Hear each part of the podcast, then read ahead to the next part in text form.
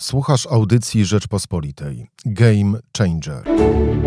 Były szef klubu jagiellońskiego. Jego kampania do Senatu została uznana za jedną z najciekawszych i najbardziej innowacyjnych. Teraz wszedł do rządu jako wiceminister rozwoju. Jak przystosowuje się do nowej rzeczywistości? Jaką ma wizję swojej pracy oraz przyszłości swojego obozu politycznego? Czy jego pojawienie się w ekipie premiera Mateusza Morawieckiego to będzie game changer? Na program zaprasza Michał Kolanko. Dzień dobry, Krzysztof Mazur, wiceminister rozwoju, witam serdecznie. Dzień dobry, witam Państwa. Czym jest dla Pana rozwój? Wydaje się, że to słowo odmieniane jest od 2015 roku przez rząd Zjednoczonej Prawicy dziesiątki, jeśli nie setki, tysiące razy, ale chciałbym się zatrzymać, zac zacząć od tego, czym dla Pana jest to, jest to e, stwierdzenie, czym jest rozwój, jak go Pan definiuje? Pewnie tym będę się różnił od y, osób, które patrzą na rozwój tylko tak wąsko ekonomicznie, y, często też z perspektywy w ogóle świata finansjery, że ja patrzę na rozwój od strony humanistycznej, mogę, mogę tak powiedzieć, to znaczy dane ekonomiczne, makroekonomiczne są istotne, ale za nimi się kryje konkretna kondycja ludzi i dla mnie najważniejszy jest jakby ten wymiar e, sposobu życia, szczęścia, jakości życia.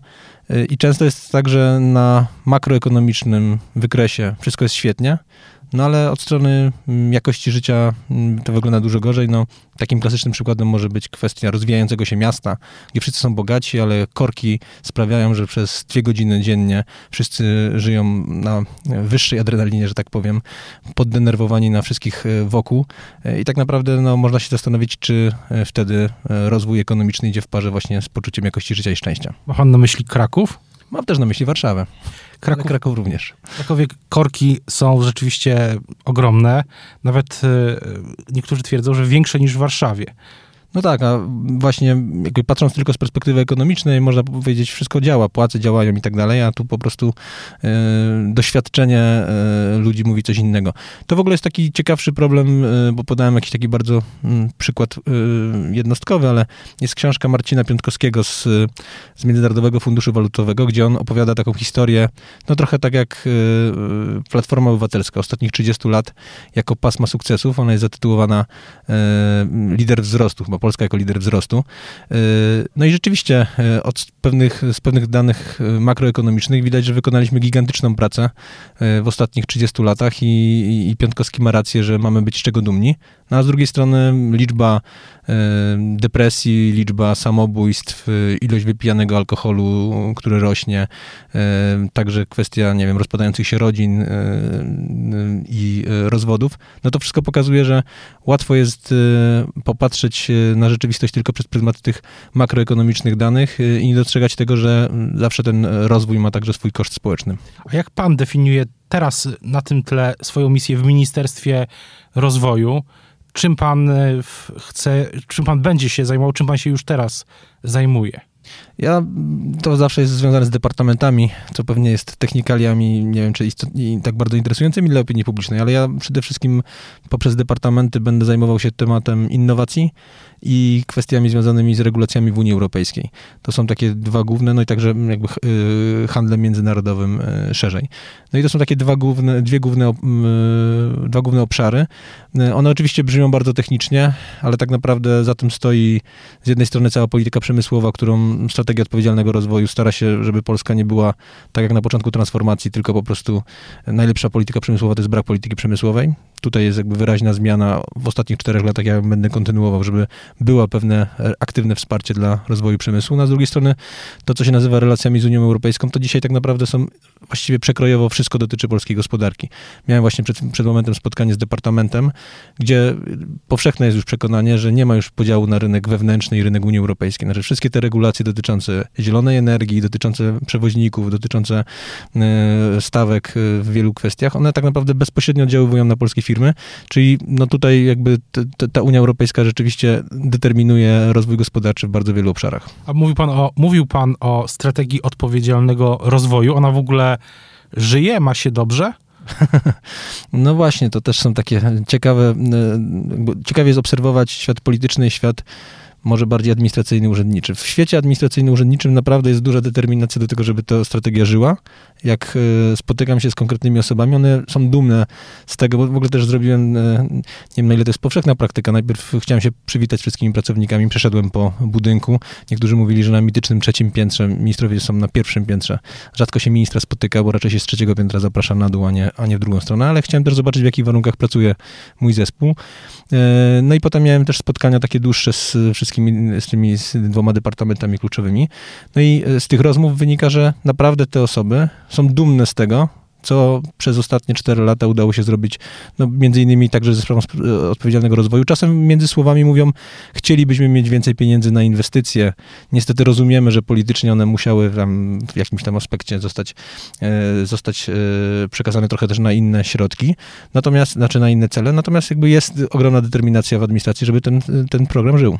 Mówię, też sam pan to zauważył, że jest świat polityczny, w którym wydaje się, że strategia odpowiedzialnego rozwoju jako hasło w ogóle się przestała pojawiać. Taka jest moja, moja obserwacja. Ten silnik, którym był, stworzył premier, teraz premier, wtedy wicepremier Morawiecki, on jest w ekspoze na przykład był rozłożony w innych obszarach, ale samo hasło strategii odpowiedzialnego rozwoju się już nie pojawiło.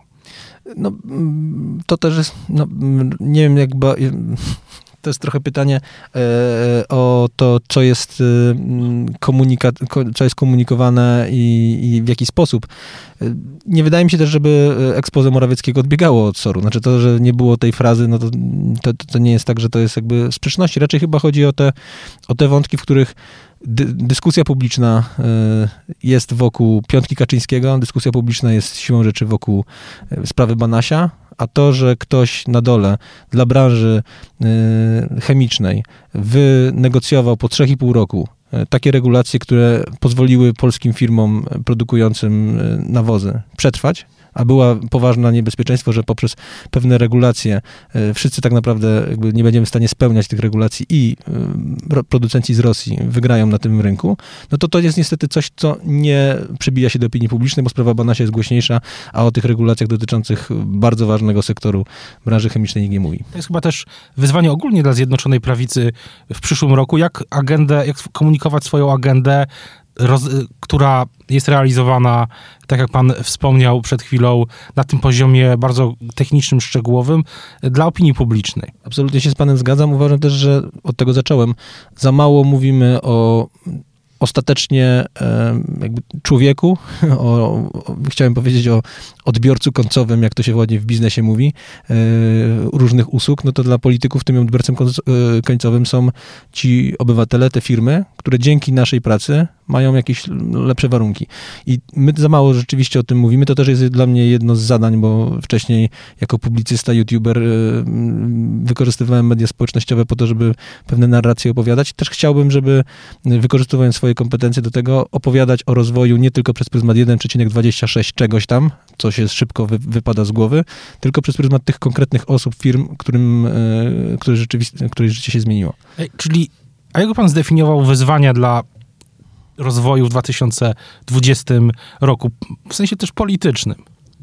Okej, okay. znaczy bardzo szeroki temat. Na pewno jest... Rozwoju Polski oczywiście. Na pewno jest wątek, jak mm, patrzymy z perspektywy stricte ekonomicznej. Są e, te e, niepokojące sygnały z Niemiec, a to jest gospodarka bezpośrednio z nami powiązana na temat spowolnienia gospodarczego.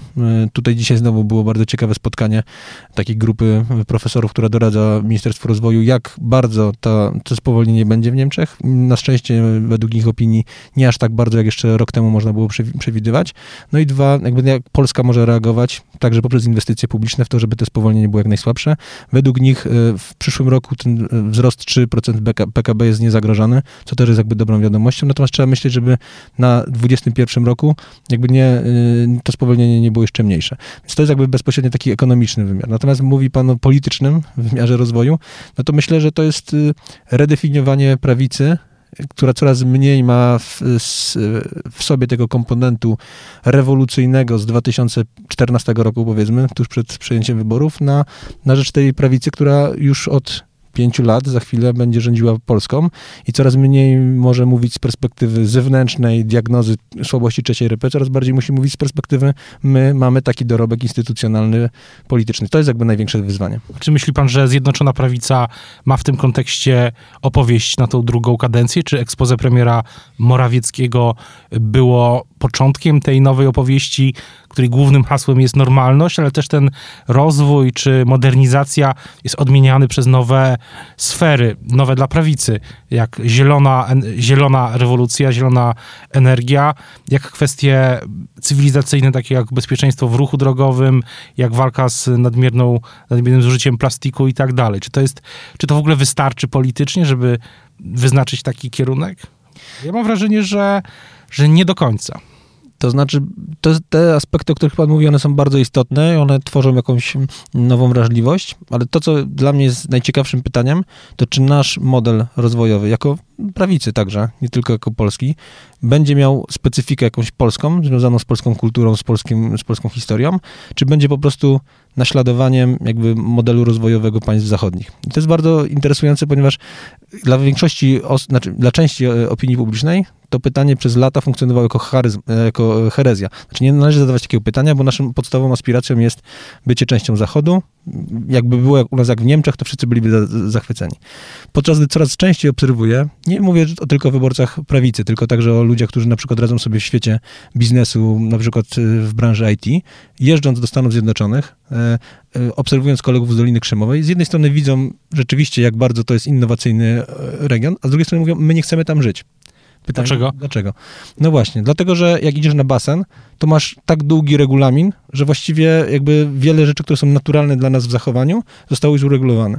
Że jak masz znajomych, idziesz do nich y, do domu i bierzesz ich dzieci na, ręce, na, na kolana, to w niektórych y, kręgach jest to już traktowane jako y, przesadna spoufałość. Jak w wielu jakby takich ludzkich odruchach, które są dla nas kulturowo jakby naturalne, widzimy, że jakby państwo wchodzi coraz głębiej i coraz bardziej reguluje pewne, pewne rzeczy, także dotyczące tego, jak po prostu modelować życie społeczne. To są przykład Stanów Zjednoczonych, ale także jest przecież kapitalny film o szwedzkim modelu, e, szwedzka teoria miłości, który opowiada o tym, jak państwo opiekuńcze z jednej strony robi bardzo wiele dobrej roboty, a z drugiej strony e, jednak rozwala naturalne więzi społeczne. I to jest dla mnie bardzo ciekawe, czy my, mając dużo bardziej nastawioną na wolność, dużo bardziej taką republikańską wymiar, a ja ciągle to w Polakach widzę, e, i niechęć do podporządkowywania się właśnie takiemu państwu opiekuńczemu, który w każdym detalu będzie regulował nasze życie, czy my przypadkiem nie powinniśmy zaproponować naszego modelu rozwojowego? Ale cały czas będąc w tym aspekcie politycznym, a czy pan swoje wejście do rządu Zjednoczonej Prawicy traktuje jako sygnał o tym, że następuje zmiana pokoleniowa, bo taka teza o tym, że prawica przechodzi zmianę pokoleniową, pan ją, o pan, pan w swoich tekstach i wypowiedziach na YouTube, nie tylko, o tym też pan e, mówił, mówili o tym publicyści, analitycy. Pan, jest pan w stanie sam siebie ustawić właśnie w tej roli osoby, która tą zmianę pokoleniową i tę zmianę spojrzenia sygnalizuje? Ona się dzieje.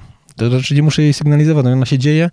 E, ona się także dzieje w takim wymiarze, że e, coraz mniej linią sporu będzie spór między Jarosławem Kaczyńskim i Donaldem Tuskiem, między Solidarną Polską i Liberalną Polską, a coraz bardziej będzie to spór nie e, liberalny, solidarny, tylko w ramach, znaczy pomiędzy prawicą a lewicą, która nie odwołuje się tak bardzo do liberalizmu, odwołuje się do właśnie tego wymiaru, powiedzmy, skandynawskiego modelu państwa opiekuńczego. I tu zupełnie inaczej nagle zaczynają chodzić pewne, pewne tematy, dlatego że Zandberg punktuje Morawieckiego nie dlatego, że e, za bardzo, e, nie wiem, daje na 500, plus, tylko dlatego, że nieefektywnie e, jego zdaniem Polska, Polska jest zarządzana i być może nawet za mało wydaje na te 500. Plus, więc zupełnie się zmienia linia sporu. I jeżeli lewica będzie rosła w siłę, wydaje mi się, że na przykład Jacek Jaśkowiak, który jest tak naprawdę w sprawach obyczajowych, niby kandydat Platformy Obywatelskiej, tak naprawdę mówi językiem kandydat lewicowym. Na, znaczy, no, kandydat na kandydata, tak, no to mówi językiem... kandydatem na kandydata Platformy rzeczywiście. No więc mówi, mówi językiem lewicowym, to pokazuje, że Platforma będzie szła bardzo mocno,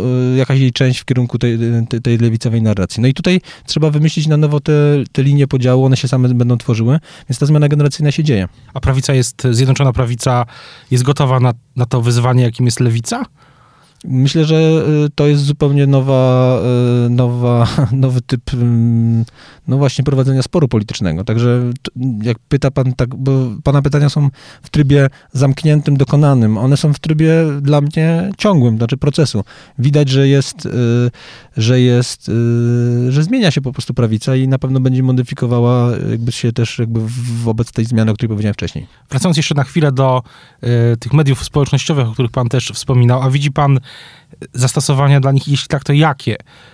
Jak e, pan doświadczony też z kampanii w Krakowie, chce pan, czy będzie pan przekładał, już pan przekłada na pracę w rządzie?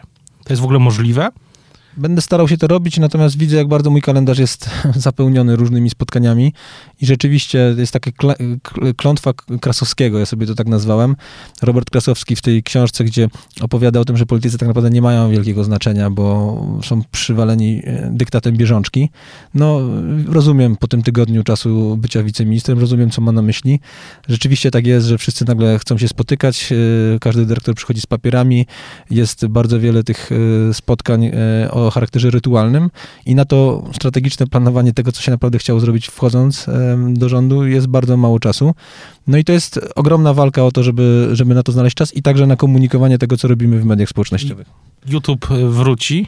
Mam nadzieję, że wróci, tak. To jest... Myślę, że pytam w imieniu wszystkich e, słuchaczy, bo w trakcie tego, w trakcie widzów chciałem powiedzieć, e, pana kanału. Niektórzy, niektórzy, mówią, że YouTube funkcjonuje trochę jak radio, tak, że, że mało kto ogląda takich gadających głowy, tylko raczej sobie każdy włącz, włącza trochę jak radio i biegnie na przykład. Ale też e, jeśli chodzi o YouTube, pamiętam taką e, tezę, którą pan postawił, że jest e, zmiana w prawicy i że prawica zaczyna przypominać e, w jakimś sensie platformę. Jest takie niebezpieczeństwo. Dlatego jak pan zadał pytanie, czy to jest docelowa narracja normalności, ja widzę, że to jest z jednej strony duży sukces Prawa i Sprawiedliwości, że wbiło mm, w, centrum e, swoją flagę i to rzeczywiście daje mu bardzo silną pozycję polityczną, a z drugiej strony jest niebezpieczeństwo, że tak naprawdę ta historia zostanie tak wychłodzona w technokratyczny język, że stanie się mało atrakcyjna, zwłaszcza dla młodego pokolenia, no i tutaj w naturalny sposób nagle prawica spod znaku Konfederacji może mówić tym językiem bardziej radykalnym, bardziej, e, bardziej jakimś takim atrakcyjnym i to jest coś, z czym też musimy poradzić. Wydaje się, że teraz obserwujemy też proces, w którym Konfederacja zamiast stawać się bardziej radykalną, ona staje się, próbuje sięgać głównie poprzez komunikat personalny, czyli przez osoby, które są na pierwszej linii, jak Krzysztof Bosak, Artur Dziambor czy inni, w stronę bardziej e, umiarkowanej, w stronę centrum. Tak, to prawda. Krzysztof Bosak ma taką e, zdolność, żeby mówić no, o najbardziej radykalnych poglądach e, Konfederacji w taki bardzo ugładzony sposób. Ale czy, e, czy myśli pan, że możliwe jest w ogóle w przyszłości sojusz e, prawicy spod znaku Zjednoczonej Prawicy z Konfederacją? Widzi pan taką możliwość? Znaczy, ja myślę, że w sporach, sporach kulturowych y, to jest y, jakby podobna rodzina y, pewnych poglądów. Oczywiście jest pewien, pewne ekstremum, które reprezentuje Konfederacja i estetyczne, i, i ideologiczne, które jest trudne do zaakceptowania przez wielu ludzi w Zjednoczonej Prawicy. Natomiast poza tym jest zawsze tak, że no, że na, na tym podstaw, podstawowych, na tym podstawowym poziomie z konfedera- do Konfederacji jest bliżej e, prawicowcom niż, niż do lewicy. A czy na koniec chciałbym zapytać, czy przywykł pan albo przywyka pan, bo mówiliśmy cały czas, e, pan mówił, że moje pytania są zamknięte, e, w sensie dokonanym, a w takim razie zadam pytanie w sensie czasu mm, dziejącego się. Czy przywyka pan w takim razie do życia na stałe w Warszawie? To jest trudne wyzwanie, ono jest wyzwaniem także rodzinnym, y, ale mm, przez ostatnie 4 lata bywałem regularnie w Warszawie w takich trybach jedno-dwudniowych. Teraz to trochę się wydłużyło. Y, myślę, że dużo łatwiej jest prowadzić politykę wtedy, kiedy całe, cała rodzina mieszka w Warszawie, więc to też jest jakby takie wyzwanie. I o tym y, i myślę, że myślę, że będziemy też bardzo uważnie obserwować, co dzieje się właśnie w Ministerstwie Rozwoju, też z punktu widzenia właśnie komunikacji, e, tego, o czym rozmawialiśmy w trakcie. Teraz już bardzo panu dziękuję. Ja również panu dziękuję. Pozdrawiam serdecznie. To była audycja Rzeczpospolitej. Game Changer.